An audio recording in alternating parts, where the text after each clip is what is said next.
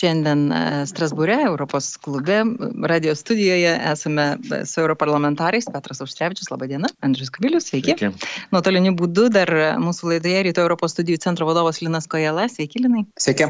Kalbėsim iš tiesų apie rytinius kaimynus, kaip, kaip jau girdėjote, ir anonsai. Iš tikrųjų, nuo 2014 metų vien tik parlamente 11 ar 12 rezoliucijų Rusijos klausimų apie pusantros per metus, Baltarusija irgi nuolat linksniuojama ir minima, tačiau, na, šunys loja, karavanas eina. Atrodo taip, kol kas situacija. Uh, Russia Today tampa svarbiausių žaidėjų informacinėje erdvėje Vokietijoje per rinkimus, kur perneša visus špygelį ar, ar, ar dar kokią nors vietos žiniasklaidą su Prancūzija buvo lygiai tas pats, geltonų įlėmenių protestų metu ten buvo vyravo Russia Today, kuri peržiūrų YouTube turėjo daug daugiau negu bet koks Le Monde arba kas nors. Tai, yra, tai reiškia, kad iš principo tie būdai veikti sąmonė, jie kiti naudojami, jau netgi ne, ne ta prasme, politinės e, sankcijos yra viena, bet yra kiti dalykai. Ir e, tas požiūris e, tokiu būdu tiek rinkėjų, tiek politikų, jisai, na, formuojamas ir, ir bandymai taikytis kažkokie yra. Iš tiesų, tai bet to ir norėčiau paklausti, kas iš to, kas iš, iš visų šitų politinių dalykų, kas toliau vyksta, ponas Petrai? Kas vyksta? Matyt, vakariams reikia suprasti, kad autoritariniai, totalitariniai režimai nenustoja kovoti prieš, sakyčiau taip, civilizuotai visuomeniai sukurtą gerą demokratinę sistemą. Jis gali turėti laikinų, galbūt netobulumų ir panašiai, bet krizės yra įprastas dalykas jau mūsų gyvenime ir ne, nebūtinai mes ją patys iššūkėme. Bet aš manau, kad mes esame sukūrę pačią geriausią sistemą kovoti su tomis krizėmis.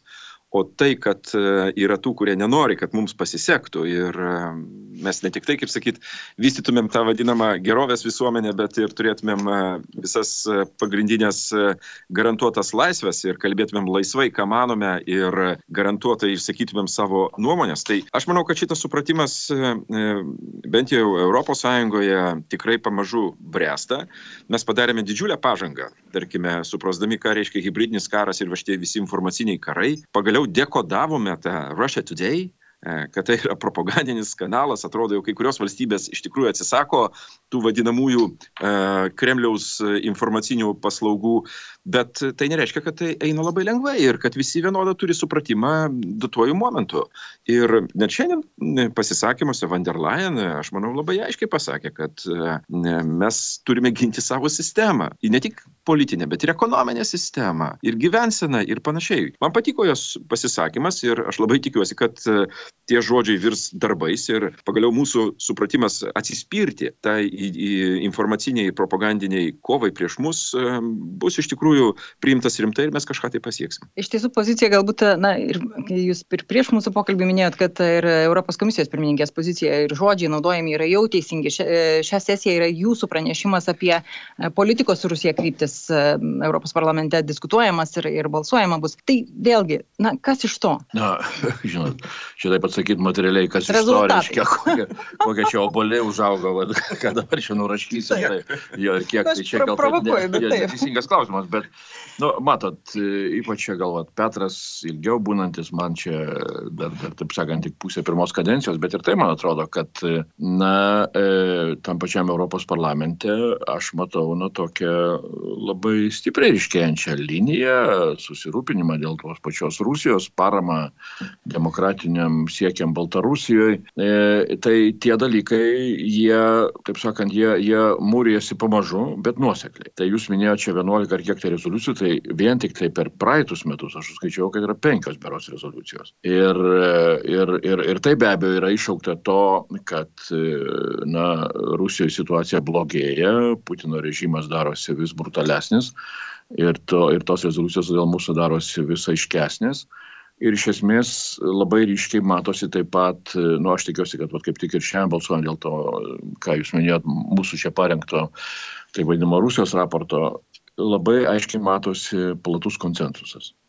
Dėl to galbūt ir, ir, ir skirtingai nuo čia Europoje vyraujančio tokio, na, e, kaip čia pasakyti, ironiško požiūrio, ten Europos parlamentas, tai čia toksai, vat, nu, plepalinė reiškia, čia nieko jinai nereiškia. E, tai Rusijos reakcija, Kremliaus reakcija į, į Europos parlamento diskusijas, priimas rezoliucijas arba raportus, jinai darosi vis, vis tokia griežtesnė. Tai reikia prisiminti, kad Europos parlamento prezidentas E, David Sasoli, italas, socialistas, nu, negalėtum įtarti čia, taip sakant, kokiais nors e, tokiais jau atseit rusofobiškais, e, kaip čia mus kaltina kartais jo nukrypimais, tai jis yra pirmas ir vienintelis ES institucijos vadovas, kuriam Kremlius uždraudė lankytis Rusijoje. Tai rodo, jog Kremlius, tai čia ne, ne ir pats Sasolis taip ir įvertino, kad čia yra, yra parlamento darbo įvertinimas, ne Sasolio darbo įvertinimas, o parlamento darbo įvertinimas. Tai Kremlius darosi vis labiau nervingas. Ir dabar mes, e,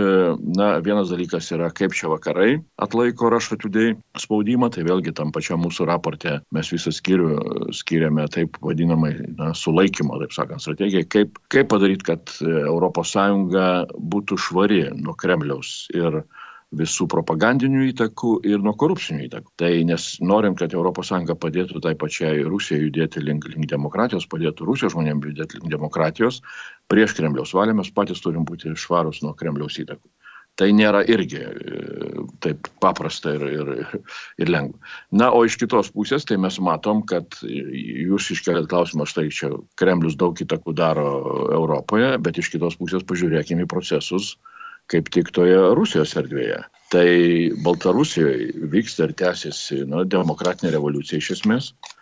Aš tikiuosi, kad jinai baigsis e, optimistiškai e, ir Baltarusijos žmonės gaus teisę patys rinkti. Dabar Rusijoje šį savaitgalį rinkimai. Tai e, mes žinom ir matom, kad Putinas sumanipuliuos rezultatais ir, ir, ir čia jau iš anksto galima tą prognozuoti. Bet vienas požymis yra labai įdomus ir labai reikšmingas. Tai bent jau pagal dabartinės apklausas, e, kadangi Rusija yra tam mišri sistema rinkimų, pusė renkama kaip pas mus vienmandatės apygardose, pusė už, už, už sąrašus, tai vienmandatėse pasims turbūt tenai 90 procentų nes, e, visų vietų, nes e, opoziciniai arba nepriklausomi kandidatai visi arba sėdi kalėjime, arba, arba jie mūsų registruotis. Tačiau už partijų sąrašus, jeigu prieš penkis metus, 2016 metais už vieningą Rusiją, už Putino partiją balsavo virš 54 procentų rinkėjų balsų, dabartinės apklausos rodo, kad partija gali gauti tik apie 30 procentų balsų. Kitaip sakant, Rusijos žmonėms... Čia nepriklausomos apklausos. Čia nepriklausomos apklausos, taip. Rusijos žmonėms taip pat, taip sakant, norisi gyventi demokratijoje, tą ES tai ką galima vadinti minkštoji gale, rodyti pavyzdį demokratijos ir, ir, ir, ir, ir, ir, ir taip sakant, tokios europiškos gerovės, jinai užkrečia ir Rusijos piliečius. Užkrečia Rusijos piliečius, aš manau, kad po, kažk, po, po truputėlį kažkaip eina ta, ta tokia na, nuomonė ir, ir tas keitimasis. Ponas Kojela, noriu jūsų paklausti, iš tikrųjų, na, tie tarptautiniai pareiškimai, tarptautinės pozicijos reiškiamos daugelį metų, kaip, kaip ir kalbėjom, ar bent spaudimą pakelia diktatoriams? Na, aš turiu omeny, čia ir Baltarusiją galim, ir Rusiją, tai iš principo tas pats. Kokios reakcijos yra? Aš manau, kad vis tik labai teisingas teiginys yra, kad tai yra toks ilgalaikis procesas ir lūžės turbūt negali įvykti labai greitai ir pokyčiai taip pat nevyksta labai greitai, bet jie po truputėlį akumuliuojasi, po truputėlį kaupėsi. Ir čia keletą dalykų gal galima išskirti. Na, tos pačios Rusijos atžvilgių, aš manau, ES taikomos sankcijos, jos savaime yra gana didelis pasiekimas, nes jeigu prisimintume 2014 metus, kada apie sankcijas buvo svarstoma, tikrai niekas nesitikėjo visų pirma, kad jų bus toks mastas ir juo labiau, kad jos tęsis taip ilgai ir kad tai nebus politinių ginčių tarp ES valstybių narių objektas, nes iš esmės dabar tai yra labiau techninis klausimas, kuris kas pusmetį, kas metus yra pratesiamas, bet nebekelia jokių didelių politinių diskusijų. Tai vėlgi, jeigu pasižiūrėtume į tai, kas buvo kalbama 2014-2015 metais, nei iš Kremliaus pusės, nei iš kai kurių ES šalių pusės, tai tikrai netrodė duotybė. Ir aišku, mes visada galim svarstyti, kiek sankcijos yra efektyvios, kiek jas galbūt įmanoma apeiti ir panašiai, bet tai bet kuriuo atveju tikrai da, daro didelę žalą Rusijos e, ekonomikai ir Rusijos tam tikrą prasme ir prestižui. Ir vėlgi turi tą tokį kaupiamąjį efektą. Kitas dalykas - dezinformacija. Vėlgi, visiškai sutinkant su jūsų teze apie tai, kad ir Russia Today, ir Prancūzijoje, ir Vokietijoje turi nemažą įtaką, turi sklaidą, išnaudoja ir socialinius tinklus ir panašiai. Vėlgi, tas faktas, kad mes šiandien ES lygmenyje girdime dezinformaciją kaip vieną iš pagrindinių problemų ir prioritetų, irgi yra santykinai naujas, nes dar prieš 7 septynetą, aštuonetą metų, ne, turbūt gerbiamas Petras ar gerbiamas Andrius tikrai būtų apie tai kalbėję, bet labai daug kolegų būtų tai laikę, na, tikrai neprioritetinių, tikrai nesvarbiausių klausimų, kuriam neverta skirti daug dėmesio. Ir netgi turime dabar ES ir institucijų išorė, išorės veiksmų taryboje, kurios nuolatos tyrinėja šitą problematiką, kaupia surinktą medžiagą, geba ją pateikti valstybėms narėms ir skatinti jau šiuo atžvilgiu sprendimų prieimėjus imtis konkrečių veiksmų, keisti teisės aktus, ieškoti alternatyvių priemonių ir panašiai. Vėlgi tai nėra lengva, todėl mes puikiai suprantame, kad ES vertybė yra laisva žiniasklaida, minčių laisvė ir tai reiškia, kad suvaržyti net ir su Rusija siejama žiniasklaida nėra taip paprasta, bet aš manau, kad daug kas yra padaryta ir vien tas faktas, kad mes tas problemas esame konstatavę ir iškėlę į labai aukštą prioritetinį lygmenį, tikrai labai nepatinka tiek Rusijos autoritarinio režimo atstovams, tiek Baltarusijos, tiek ir tų šalių, kurios yra dar labiau rytus. Žinau, kad e, panas Kojala turės atsijungti netrukus, tai aš tiesiog noriu dar, dar truputėlį e, tada vėl su jumis ir dėl, apie demokratinę visuomenę. Iš principo, e, tiek ir jūsų pranešime apie Rusiją, tiek ir kituose dokumentuose, kalbant su Baltarusija, iš tikrųjų labai akcentuojama tas dėmesys demokratinėms visuomenėms ir parama joms. Ar iš vis dar ten likė tos demokratinės visuomenės? Baltarusijos, jis pati bendravau su Baltarusijais, iš tiesų tik išvažiavusiais, pabėgusiais iš to šalies ir, na, kaip paklausti, ar dar bus, ar tęsis, ar revoliucija, protestai tęsis, jie sako paprastai, tie žmonės, aktyvistai, kurie kažką darė, kurie ėjo drąsiai į gatves ir panašiai, jie arba sėdi, arba išvažiavę. Ta prasme, kad viduje net nebelikę tų iniciatorių, kurie galėtų kelt toliau visuomenę. Rusijoje irgi, na, turbūt ne, ne, ne vienas galva padėjo ar, arba pabėgė. Tai kiek ta demokratai, ta demokratinė visuomenė, ar ji dar yra? Aš manau, kad yra. Ir be abejo, kad brutalios priemonės, pradedant nuo žudimų, ir baigiant kalinimais, jos gali duoti efektą, jos gali įbauginti, jos gali galbūt sutrukdyti, organizuoti masinius protestus ilgą laiko tarpą. Bet aš manau, kad tai tikrai nenusmugdo ir nenus, nesunaikina pačios idėjos. Jeigu mes būtume kalbėjęsi su jumis praėjusiu metu pradžioje, turbūt mažai kas iš mūsų būtų prognozavę, kad Baltarusijoje šimtai tūkstančių žmonių išeis į gatves, iškels vėliavas ir sakys, kad mums gana, kad mums reikia pokyčio. Nes mes būtume teigę, jog galbūt ta pilietinė visuomenė yra silpna, galbūt režimas yra tikrai viską kontroliuojantis, galbūt žmonės tiesiog nenorės rizikuoti prarasti studijų vietas universitetuose ar darbo vietas kažkokiose įmonėse. Bet jie tą padarė. Taip, kol kas gal tas galutinis rezultatas nėra pasiektas, Lukašenka ir toliau kontroliuoja padėtį šalyje, bet faktas, kad ir Rubikonas buvo peržengtas tam tikrą prasme ir mentalinis lūžis, ko gero, yra įvykęs.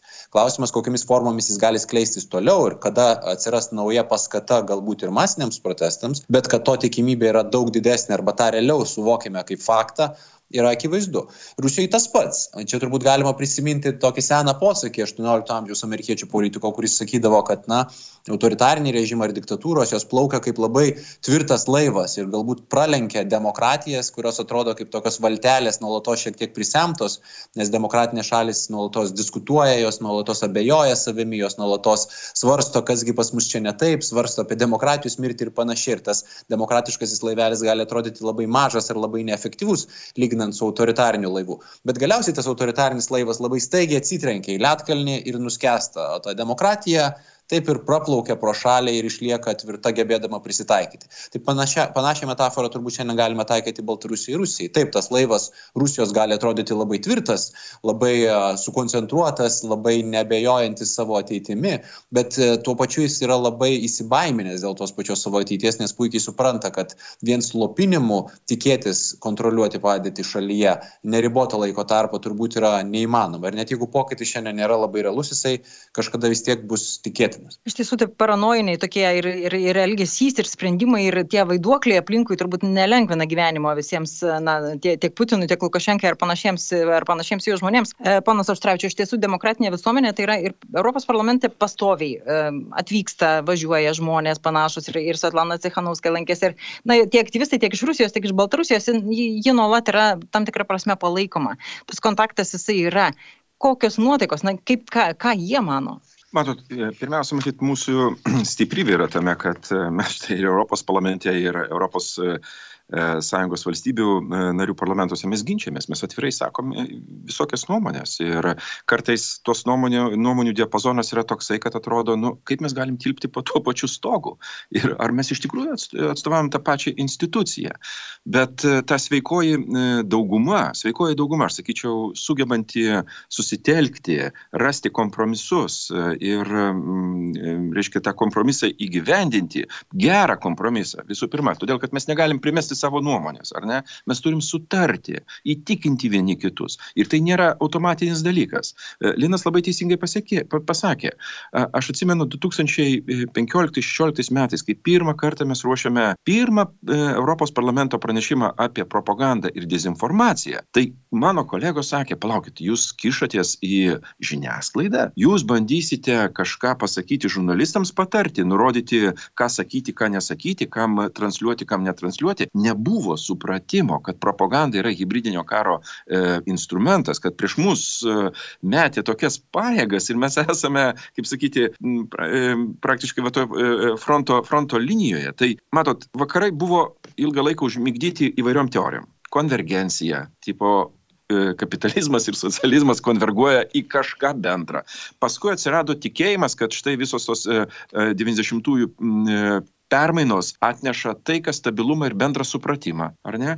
Bet pasirodė, kad e, tuose visuose pokyčiuose dauguma iš tikrųjų nuėjo teisingų kelių, bet e, sukčių gaujos, okupavusios valstybę, uzurpavusios valstybės atskiras, kaip tame tarpe e, Rusijos federacija, įsitvirtino saugumo ir visokių kitokių, e, reiškia, institucijų pagalba, prikėlusios e, praeities visokius baubus, ir panašiai, e, labai dažnai e, vidinio terorizmo pagalba. Jos sukūrė tas valstybės, kurios, e, na, pasakyčiau taip, nori gyventi labai gerai, ir mūsų sąskaita beje, priekiauti su mumis pilnai, bet politiškai e, neturėti nieko bendro ir atsiskirti visiškai, ta prasme, jūs, vadinamieji demokratai, jūs einate e, žemyn, jūs bankrutuosite, mes turime kažkokią tai savo vertybių sistemą. Ir tarp kitko, ta kova apie vertybės ir kur čia labai dažnai net ir Lietuvoje e, išėjai gatves pradeda e, cituoti e, Rusiją kaip pavyzdį, kad štai jie gina šeimos e, idealus, e, jie, jie, jie tikrosios visuomenės e, vertybių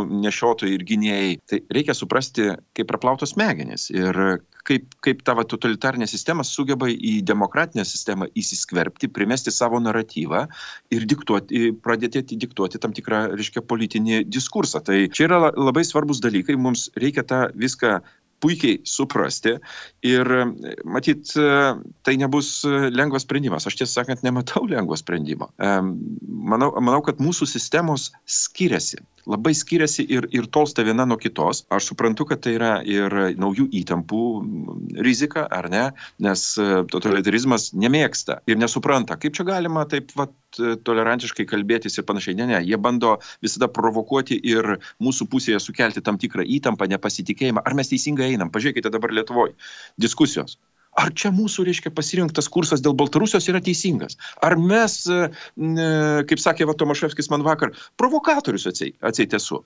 Aš provokatorius, kadangi e, stoviu demokratinės opozicijos pusėje. Reiškia, Tomaševskis galvoja, kad jisai gali ir, ir turi rasti kažkokių tai e, sprendimų su, su Lukašenka ir panašiai. Tai ką reiškia, mes turime priimti Lukašenkos um, tezes ir bandyti su jomis sugyventi? Ar, ar mes turime teisę tą dalyką daryti? Pasakyti? Ar mes turime teisę pasakyti, kad e, apgavystės rinkimuose, na, tai žinot, tai galbūt čia jūsų apgavystės, bet mes nematome tai kaip apgavystės. Tai kur yra ta tiesos linija? Jeigu Tomaševskis yra katalikas, kaip jis gali melą priimti ir apga, žmonių apgaudinėjimą kaip, kaip kažkokią tai darybę? Tai, bet įsivaizduokite, yra tokių ir mums primetami tie naratyvai ir, atsakyčiau, Tomaševskis iš mažosios raidės, jų yra daug, ar ne? O kitose valstybėse yra visokių kitokių. Komunistų partijos, reiškia, reiškia legalizuotos ir panašiai, jie neša tą ideologiją rytų ir, ir taip toliau, kad čia va, vakaruose yra fundamentalus kažkas tai blogis, reiškia, ir tik tai rytai atneša tą tikrąją tiesą. Tai mes kalbame apie tokius dalykus ideologinius ir e, mąstysenos e, tokius lygmenys ir, ir tezes, kur vat, spraktelius pirštų negali padaryti. Kalbėti įtikinėti, rodyti pavyzdžius ir įrodyti svarbiausia. Nes e, atvirai tariant, e, na, tokio e, propagandistinių stilium negali sakyti, kad, ne, žinot, mes, mes teisūs, jie neteisūs. Ne, tu turi įrodyti, o kartais įrodymai užtrunka. Suprantat, reikia pagauti vagį už, už rankos norint įrodyti, bet kol kas mums pavyksta. Nes pavyksta iškelti tam tikras tezes ir įrodyti, kad iš tiesų totalitarnių e, režimų ir tų pasišventusių autokratų kova prieš demokratinę sistemą, prieš vakarus yra ne, ne, ne išmislas, tai yra rimtas dalykas, už kurio stovi galbūt tam tikros ir karinės grėsmės galų gale. Nes pirmą ateina informacinis susilpninimas visuomenės, ar ne, abejonių primetimas, o paskui jau infiltracija ir kitokiais būdais. Todėl aš manau, kad ir dabartinis, e, dabartinė rezoliucija dėl Rusijos, ir mes turėsime dar daug e, įvairių dokumentų, rodo, kad e, mes brandiname galų gale va, tą supratimą, kad mes kalbame apie rimtus dalykus. Neišgalvotus dalykus, kuriuos galbūt, aš labai tikiuosi, kuo daugiau mūsų kolegų supras vienodai. Galbūt ne visi visiškai taip, bet priimsime taip kaip realią grėsmę. Iš tikrųjų, tos spekulacijos, jos vis tiek tęsiasi. Pavyzdžiui, ir prie jūsų pranešimo, ne, yra ta mažumos pozicija, kur reikia NATO išvesti, e, NATO kariuomenę iš ES išvesti, kur reikia, kur reikia vizas liberalizuoti su Rusija, kur reikia vėl tos perkrauti, ar ne, garsi frazė, e, santykius ir reikia juos mėgsti ir panašiai ir panašiai. Ir e, iš tikrųjų tos spekulacijos kartais, kaip matom, baigėsi visai netikėtai ir blogai. Mm. Vienas paspekuliavo, kad reikia gal jungtiniai karalystiai būti savarankiškai politikas ar ne, matom, kuo baigėsi, mes turim breksitą ko ir pats pasiūlęs nesitikėjo greičiausiai, ta prasme ir nenorėjo. Tai e, kartais tai iš tikrųjų yra pakankamai pavojinga, plus tas protų plovimas jisai vyksta labai įvairiom formom ir nebūtinai per tuos dalykus, bet tiesiog nepasitikėjimas tam tikra sistema siejamas. Tai štai ir, ir, ir, ir kaip jūs tai matote? Nu, tai čia gal Europos stiprybė yra tokia, kad Europos parlamente gali prisiklausyti tokių keistuolių, aš sakyčiau.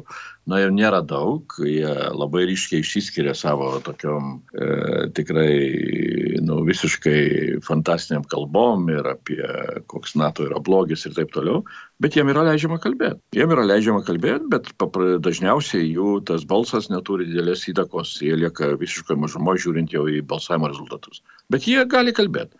Visiškas nesąmonės, visiškus absurdus, visi, taip sakant, nu, pasišaipom, pas, pasijuokiam šiek tiek iš to. Man keista, kad aš galvoju, kad iš Airijos tik vienas yra nu, vienas kolega čia mūsų toks keistas gana. Ai, bet vakar, išgi, vakar pamačiau dar vieną, vieną, vieną moteris irgi labai panašiai. Jo draugė gyvenimo beje. A, jo, nu, pasirodo, kur vertybės susi, susipina, tai net nežinau. Aiškiai vieta. nu tai jo, tai čia ne, bet sakau, čia neverta net nagrinėti, nes tai, nu, tą matai kaip, kaip tokį, nu, taip sakant, palinksminantį šiek tiek dalyką. Bet, na, man atrodo iš tikrųjų, kas, kas yra svarbu ir apie ką vat, čia ir kalbam.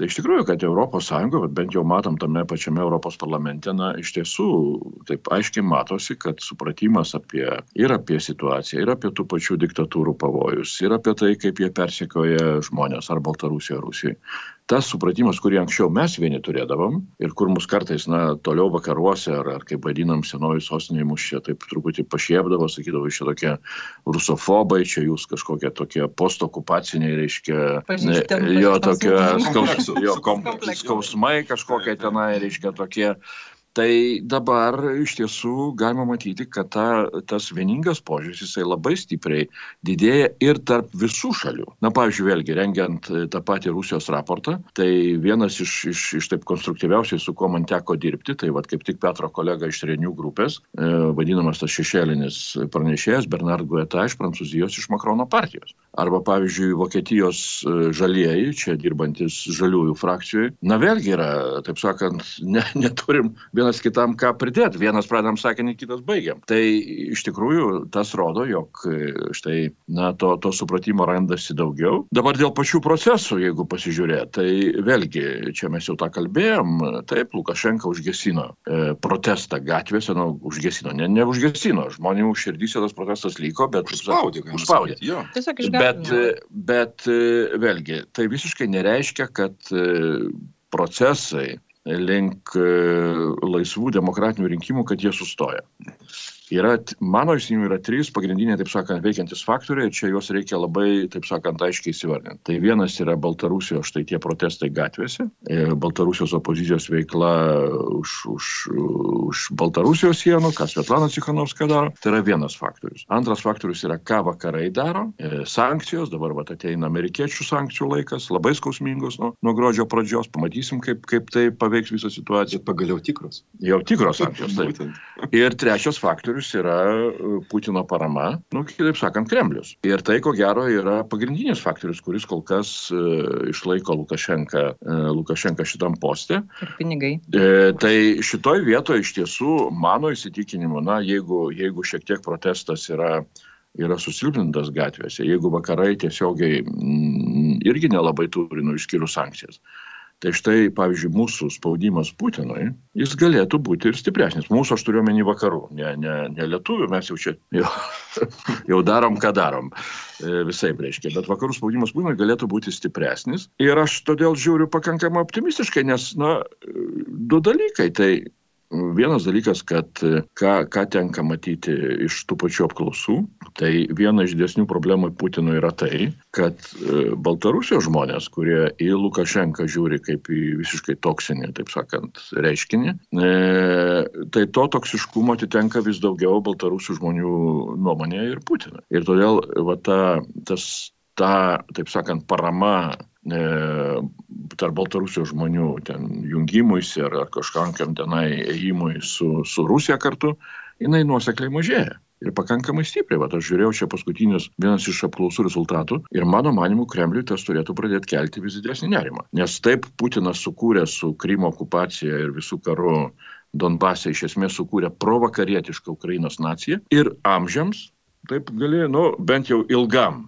taip traktuokim. Kartom. Kartom, reiškia. Ta, ukrainiečiai ilgai neužmirš šito dalyko. E, tai panašiai pradeda klostytis su baltarusiais. Na, nėra ten okupacijų kol kas Krymo ar kažkokiu kitų, yra gal ten pastangos taip jau tokia šliaužiančia aneksija įgyvendinti iš Kremliaus pusės, bet tai turėtų pradėti kelti nerimą vėlgi tam pačiam Putinui. Todėl na, matykim tos procesus šiek tiek plačiau ir, ir, ir aš matau bendrą procesą, kad iš tikrųjų į tą paskutinę imperiją Europos kontinente, tai yra į Sovietų sąjungą, į Rusiją, į, reiškia, jeigu pasižiūrėti kaip į tam tikrą reiškinį, kuris, nu taip, formaliai juridiškai subirėjo ten 91 metų pabaigoje, tai e, tie tokie procesai europietiškos demokratijos, jie pamažu slenka iš, sakykime, vakarinių pakraščių. At mes buvom pirmieji, po to ten Gruzija, Ukraina, Moldova, dabar Baltarusija pradėjo kovoti už tai. Slenka pamažu į rytinę, į rytinę, taip sakant, Europos kontinento pusę. Ir mano manimu tai yra nesustabdoma. Tai gali ten su, su durtuvais, su, su, su, su visokiais persiekiamais kažkuriam laikui pristabdyti, gali būti skausminga, bet į tai juda. Ir todėl Lietuvos pastangos, kiek mes tame bandom dalyvauti ir, ir būrėm įvairias koalicijas, jos irgi yra labai aiškiai ir pragmatiškai, taip sakant, aš pasakyčiau, net nutaikytos į tolesnę ateitį. Demokratija reikalinga be abejo patiems baltarusių žmonėms visų pirma. Bet ir mum, net ir jeigu dabar ten koks nors mūsų verslas ir šiek tiek nukenčia, natūraliai Lukašenka, taip sakant, bando atsakyti, Bet orientuojantis į ilgelesnio laikotarpio perspektyvą, į kelių metų perspektyvą, turėti šalia savęs demokratinę Baltarusiją su, taip sakant, demokratijos siena jau persikeliant link Smolensko ir turėti demokratinę Baltarusiją su jos ekonominiu visų potencialu ir turint, taip sakant, gerą kaiminystę tokiu atveju ir gerą, ir gerą, taip sakant, galimybės ir daryti verslus ir taip toliau, tai yra didžiulės perspektyvos. Ir saugios perspektyvos, nes darant biznį su autoritaro valdoma ekonomiką. Tu visą žino, kad tu turi labai didelę riziką. Mes tą matėm su Rusijos sprendimais prieš mūsų biznį, dabar matom Kinijos sprendimai visokie atsiranda irgi. Tai demokratija, mums yra demokratija toj pačioj Baltarusijoje, mums atneša didžiulę naudą, net praktinę naudą. Bet tik kitos demokratijos dar tikriausiai, kad bus įvairių dalykų. Beje, kalbant apie poveikį, tai Deutsche Bank uždarė korespondencijas Baltarusijos sąskaitas eurais. Tai e, tas e, tokie pinigai turbūt yra vienas iš tų dalykų, kas gali, na bent jau Baltarusijos atveju, kai nebus kuo mokėti visiems ginkluotiems žmonėms aplinkui, tai tikriausiai viskas, visa ta galia ir labai greitai pasibaigs. E, bet iš tikrųjų, tą gal, gal, aš nežinau, ar galima būtų vertinti kaip kaip, jau kaip viena valstybė, nes tie desperatiški bandymai jie vis tiek bus, ar ne? Dabar vėl buvo paskelbta, kad e, suartėjo dar labiau ten Rusija, Baltarusija, kaip, kaip ir panašiai ir panašiai. E, beje, Putinas irgi nebuvo sustabdytas laiku ir tas, tas taip. Prašau. Aš tik, aš tik vieną dalyką pasakysiu dar, vad, ko nepabaigiau. Tai, e, nu, čia tų kalbų apie sujungimą, apie integraciją ir taip toliau, čia gali būti daug, kažkur ten kažkas juda, bet jau juda 20 metų ir dar vis, taip, taip sakant, ten vis vis juda ir juda. Tai čia sakau toks. Jo, bet. Fulis prieš mirtį gali būti. Mes, nu, aš tik vieną dalyką matau, kad e, koks yra vienas iš Putino tikslų. Aš nežinau, ar jis tikrai dar nori ten tą Lukašenką laikyti. Man kažkaip, va, kaip aš sakiau, iškia, man net ir tavo apklausos, man atrodo, kad turėtų paveikti ir, ir, ir mąstymą Kremlėje. Bet ko Kremlius tikrai nesutiks ir, ir nenorės ir, ir nedarys, tai jis niekada nesutiks, kad, Lukašenka, kad susidarytų toks vaizdas, kad Lukašenka yra nuimamas arba keičiamas dėl, sakysim, dėl protesto spaudimo. Tai todėl ten kūriamos visokios schemos, kažkokia ten nauja konstitucija, referendumas. E, jau Lukašenka lik ir yra pasakęs, kad po to jau jisai ir, ir, ir, ir nebepretenduos iš naujo. Tai va čia yra Kremliaus taktika, kurią mes turim irgi labai, labai paprastai skaityti ar Kremliui po to, po Lukašenkos, ar jam pavyks pastatyti, na, sakykime taip, tokį Kremliaus visiškai valdomą kažkokį tai lyderį. Čia atskira tema, aš dėl to labai abejočiau. Nes iš tikrųjų ta Baltarusijos visuomenė, kuri, kurią mes matom, ir štai tie, tie paskutiniai metai sukūrė visą eilę tikrų lyderių, kurie dabar be abejo yra, yra pasodinti, pradedant nuo Babariko, Kalesnikovo, Cikhanovskis ir taip toliau. Tai jeigu iš tiesų štai po visokių čia ir Kremliaus veiksmų vis tik tai būtų ateita prie to, kad Baltarusijoje vyktų, na, bent jau, taip sakykime, pusiau demokratiniai rinkimai. Su tuo sąlyga, kad iš kalėjimo paleisti bus politiniai kaliniai, tai kažkam konkuruoti su, štai, su tais lyderiais dabar, dabar taip sakant, kankinamais ir, ir laikomus kalėjime, nu, mano įsitikinimu bus labai labai nelengva. Na, nebent būtų priversti, tai čia vėlgi, ta prasme, yra, yra tas, tos gazdinimo priemonės, kurios iš tiesų veikia, nes, na, ir kaip ir Baltarusijos žmonės pasakoja, tu išeini į gatvę ir tu nežinai, ar tu pareisi, nes tiesiog gali tave kas nors pasimti pakeliui. Tai e, tas, tas demokratinės visuomenės, na, toksai, nežinau, kiek, kiek jinai dar, e, ponas Oštrevičiau, kaip, kaip jūs matote, ar, ar tos pajėgumų dar turi, ar, ar turi tos dvasios ir vėlgi, nu, tas artėjimas tų dviejų valstybių, ką jiems tebe reiškia, nes iš tiesų pačioj pradžioje, tai tiek Svetlana Cichanovskė, jinai kalbėjo kaip apie Rusiją, kaip draugai, gėris ir taip toliau, ir taip toliau. Jie tiesiog norėjo Lukašenką nuimti. Ar tebe? Na, čia matyti vienprasmio atsakymo nėra. Ir e, aš stebiu e, mat, ir Svetlanos Tikhanovskos pasisakymus ir apskritai kitų e, demokra demokratinės opozicijos lyderių pasisakymus. Jie, taip sakyčiau, sąmoningai vengia pradėti tą, tą diskusiją. Jo, visiškai neskaluoja. Ir neskaluoja galbūt vienas dalykas, nes atsakymai turėtų būti na, labai labai aiškus ar ne? Ir nereikia pamiršti, kad pati Baltarusijos visuomenė yra, yra tikrai ne vienalytė. Yra rytų Baltarusija. Rytų Baltarusija. Ir ta riba eina, gal sakyčiau, 50 per 50, ar ne, jeigu kalbėti taip jau e, Baltarusių tautos, e, e, tautos tautą ir, ir, ir jos geografiją. Todėl tas rytinis, rytinis sparnas, kur ir tie ryšiai su, su Rusija bendra siena, kelionės labai arti, labai greta, labai dažnai kartu, mišras šeimos, ta takoskira yra labai ir labai tokia plonytė, ar ne? Ir ten supratimas apie, apie pavyzdžiui, ta vakarų Baltarusija, kur atrodytų kalbi ir su tai žmonėmis ir supranti vienas kitą daug greičiau, aš labai bejoju, kad mes tenai vat, rytinėme pakraštyje e, gautumėm tokį patį pritarimą. Čia yra šitas dalykas. Todėl gal demokratinė pozicija ir nenori taip e, akcentuoti šito dalyko, nors aš manau, kad neišvengiamai turės. Ir kažkada kils tas klausimas. Jo, ir matot, kur yra, mano manimu, svarbus dalykas. Aš rimtai labai vertinu tuos visus vadinamų kelių žemėlapių pasirašymus. Taip, tai yra kol kas teisinis ir toks techninis dalykas. Taip. Ar ne? Ir tai gali tiesiog įsigalioti, niekam nežinant, niekam nepastebint. Tai daugiau apie ekonominę integraciją iš esmės. Daugiau ekonominė integracija, bet už ekonominės integracijos dažnai kitas žingsnis būna kas?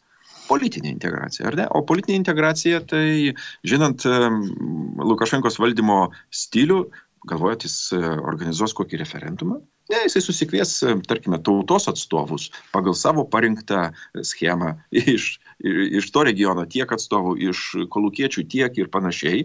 E, visi savi žmonės, kaip sakant, gerai pamaitinti, taip, geras koncertas išvakarėse, jis išeis visada su liepsninga kova apie e, pragaištingus vakarus, apie um, godžius ir klastingus kaimynus, mus, Lenkus ir taip toliau, uždegs tuos atstovus, na ir sakys, nu dabar paspauskite mygtuką. Kaip Jūs manote, ar mums reikia laikytis kaip čia Bresto tvirtovė, nes pas jį visada sąsoja su antru pasauliniu karu ir, ir jie į, į save pristato taip. Tai ta politinė integracija man, man atrodo labai rizikingas dalykas ir gali vykti labai greitai. Todėl aš labai tikiuosi, kad e, Baltarusijos opozicija supranta šitas rizikas, nes atsakomybė už e, Baltarusijos ateitį taip pat e, priklauso jiems. Ir jie turi imtis, ne mes vien tik tai turim kalbėti, kad žinot, yra daug rizikų, jeigu susijungs tos valstybės ir um, pasistumės Putino, kaip sakyti, ir pajėgos, ir, ir įtaka labiau į vakarus, bet o kas bus su pačia Baltarusijos valstybė? Ar ne per dažnai jinai miršta, e, vos tik tai gimusi? Ar ne pernelik lengvai švaistomasi va tuo valstybingumu ir e, apskritai nuvertinamas tas dalykas e, su pasakymu, o gal bus vėl kita galimybė, mes atgimsime ir vėl būsime demokratiški. Žinot, kaip važiuojame tokiais vikšrais per žmonių sąmonės ir tą istorinę atmintį, kyla didžiulė sumaišties. Ir dabar jau yra ganėtinai tenai sumaišties, e, žinant e, e, Lukašenkos tą visą propagandą. Bet aš labai tikiuosi, kad ir Svetlana pasisakys šito klausimu. Nes ilgai tylėti, aš nežinau, ar yra prasminga, atvirai tariant, tu sukuri kažkokią tai intrigą, ne iki galo ją. Abejonės. Jo, abejonės. Bet Bet ką reikia pasakyti, kad, nu, iš esmės, aš sakyčiau, čia galbūt ne tiek Lukašenka nes, nesikeičia. Lukašenka, mano manimu, gyvena paskutinį savo laikotarpį. Čia man tai bent jau akivaizdu. Bet Putinas nesikeičia. Vat, ta sistema nesikeičia. Jie pas, bando pasinaudoti visomis istorinėmis galimybėmis. Žiūrėkite, buvo su Janukovičium, tai bandė tenai žaisti, nepavyko galutinai gyveninti savo plano, kaip sakyti, atsukti Ukrainą prieš, prieš Europą, tai gerai nugnybo Krymą, Donbasą, ar ne? O dabar kas bus? Ir, ir dabar žaidžia su ta Baltarusija. Pas jį yra visada keli planai, ne, ne, ne vien tik tai A planas, kaip mes dažnai su vienu, viena gera idėja einam ir mes už ją kovojame iki pabaigos. Bet pas jį yra A, B, C, ar ne? Kas, kas bus tai? Vėlgi, sukūrimas kažkokios tai įtampos e, taškų rytuose ar, ar panašiai. Na, čia e, sudėtinga pasakyti, bet ta sistema, ta valstybė, tos Kremliaus, kaip sakyt, planai nesikeičia ir požiūris į savo kaimynus, į tuos vadinamus e, Rusijos tą pasaulį tariamai egzistuojantį. Štai kas e, mane, kaip sakyti, visą laiką glumina, kad e, mes turime iki galo suprasti, kad kol bus tie žmonės, kurie vat, propaguoja tas idėjas, nieko nesikeis. Ir mes turėsime galbūt vėl kažkokį tai hybridinį pakaitalą tos, tos politikos, bet jinai visą laiką bus tiesiama ir visą laiką bus bandoma įtakoti ir primesti savo žaidimo taisyklės. Iš tiesų, tai apie tas, tą bendrą valstybę, kalbant e, su, su pačiais baltarusiais, tai vėlgi jų baimė tokia ir buvo, kad jie tiesiog vieną dieną atsikels ir sužinos, kad jie jau bendra valstybė, nes niekas jų neklaus. Ir, ne. jie, ir nieko, ir netgi ir tas visas, na, tas kelias, tas raudmepas, kuris jų to susijungimo, jis nėra viešas. Niekas nežino, kas kada ir kaip numatyta. Kažkas yra kažkur numatyta, bet niekas to nežino. Ir iš tiesų, kadangi kadangi mes nebeturim laiko nei jokiam e, ilgam reikalui, aš tiesiog noriu jūsų paklausti, kada bus, na, paprognozuokim, kada bus Baltarusija ir Rusija atskiri terminai gali būti demokratinės valstybės? Nu, aš pasakyčiau, žinot, čia gali būti ir labai greitai, aš dar vis tikiuosi, kad, taip sakant, ir mūsų karta, nu, tokie 60 mečiai plus, dar spėsim pamatyti, e, nes procesai, nu, matom, bet tas pats Baltarusijos pavyzdys praeitų metų mane labai stipriai, taip sakant, įtikino, kad reikalai gali labai greitai keistis. Dabar ta pati Rusija irgi yra ant, ant, ant slengščio, visokių slengščių. Čia dabar Dumos rinkimai jie daug nepakeis, bet jie gali duoti vieną vat, rezultatą, kad paaiškės, kad Putinui tikrai nebesiseka išlaikyti žmonių tam, tam tikrą prasme tikros paramos. Tada klausimas, kas bus 24 metais. Putinas dar bandys eiti, ar jau nebandys eiti. Dabar, jeigu nebandys eiti, tai Rusija turi vieną istorinę tradiciją. Čia reikia, taip sakant, prisiminti istoriją. Paprastai pas juos būna taip, kad e, vat jeigu, jeigu dabar valdo Putinas, tai sekantis būna antiputinas. Buvo Stalinas, atėjo po to Hruščiovas, antistalinas, taip. Po Hruščiovo atėjo Brežnevas, antihruščiovas. Po Brežnevo atėjo Gorbačiovas, antibrežnevas. Po, po Gorbačiovo atėjo, nu, Jelcinas toks tarpelis, reiškia, e, bet po to ateina jau, sakysim, Belčinas, Gorbačiovo tiesinys, ateina Putinas, antigorbačiovas tai mes galim pamatyti toj pačioj Rusijoje nemažas permainas ir nebūtinai jos ateis vien tik tai iš demokratinės opozicijos, iš Navalino pusės, bet gali ir pats elitas pamatyti, kad šitą sistemą įsivaro savai kampą. Vienas iš pagrindinių dalykų, kas gali Rusiją priversti keistis, tai yra tai, ką mes čia darome Europoje, Europos parlamente, tai vadinamas grindylas. Po 15 metų Europos Sąjunga, jeigu įgyvendins grindylą, iš Rusijos pirks 75 procentais mažiau dujų. Tai visiškai gali keisti Rusijos ekonomikos visą struktūrą, privers, taip sakant, šitą situaciją. Ir tai gali lemti ir didžiulius pokyčius ir pačioje, taip sakant, visuomenė ir politinė struktūra. Tai, tai va dujos, Andriu, o Bet nafta. čia jūs taip optimistiškai 24 metais nebe, ne, ne, nebeis, aš kažkaip. Ne, nu, tai aš tik sakau, nu, žinot, tai čia vėlgi, nu, pamatysim, bet. Priklauso nuo daug ko. Matot, aš esu tikras, kad Andrius yra teisus. Aš manau, kad Rusija nemėgsta silpnų lyderių vadinamųjų kam reikalingas lyderis be įtakos, kurio galbūt nekviečia į vakarų valstybės, į tą G7 grupę, aštuonių, atsiprašau, grupę, kuri tapo G7 ir atrodo viskas gerai. Sugebam susitarti tenai ir, ir išlaikyti visą tą toną. Tai čia grėsmės yra e, Putinui labai labai didelės. E, pasižiūrėkite, ir tas e, diplomatinis bendravimas yra apribotas labai ir aš manyčiau, kad yra teisingas, teisingas žingsnis, nors Lietuvoje yra kitokių pamastymų, štai va Ušackas labai už kažkokį tai dialogą kalba su, su Rusija. Nu, pavojingi dalykėliai. Nežinai, tai nedaryk geriau, ar ne? Ir tie visi dialogai dažnai panaudojami prieš tuos pačius, kurie atvažiuoja su tariamai gera valia. Nu, pažiūrėkite, ką iš, iš Borelio padarė, ar ne? Kai nuvažiavo, atrodo, žmogus norėjo tik tai pasikalbėti, e, aptarti tą klausimų ratą, kuris tariamai e, rūpi ir vienai, ir kitai pusiai, galbūt bent jau išsišnekėsime.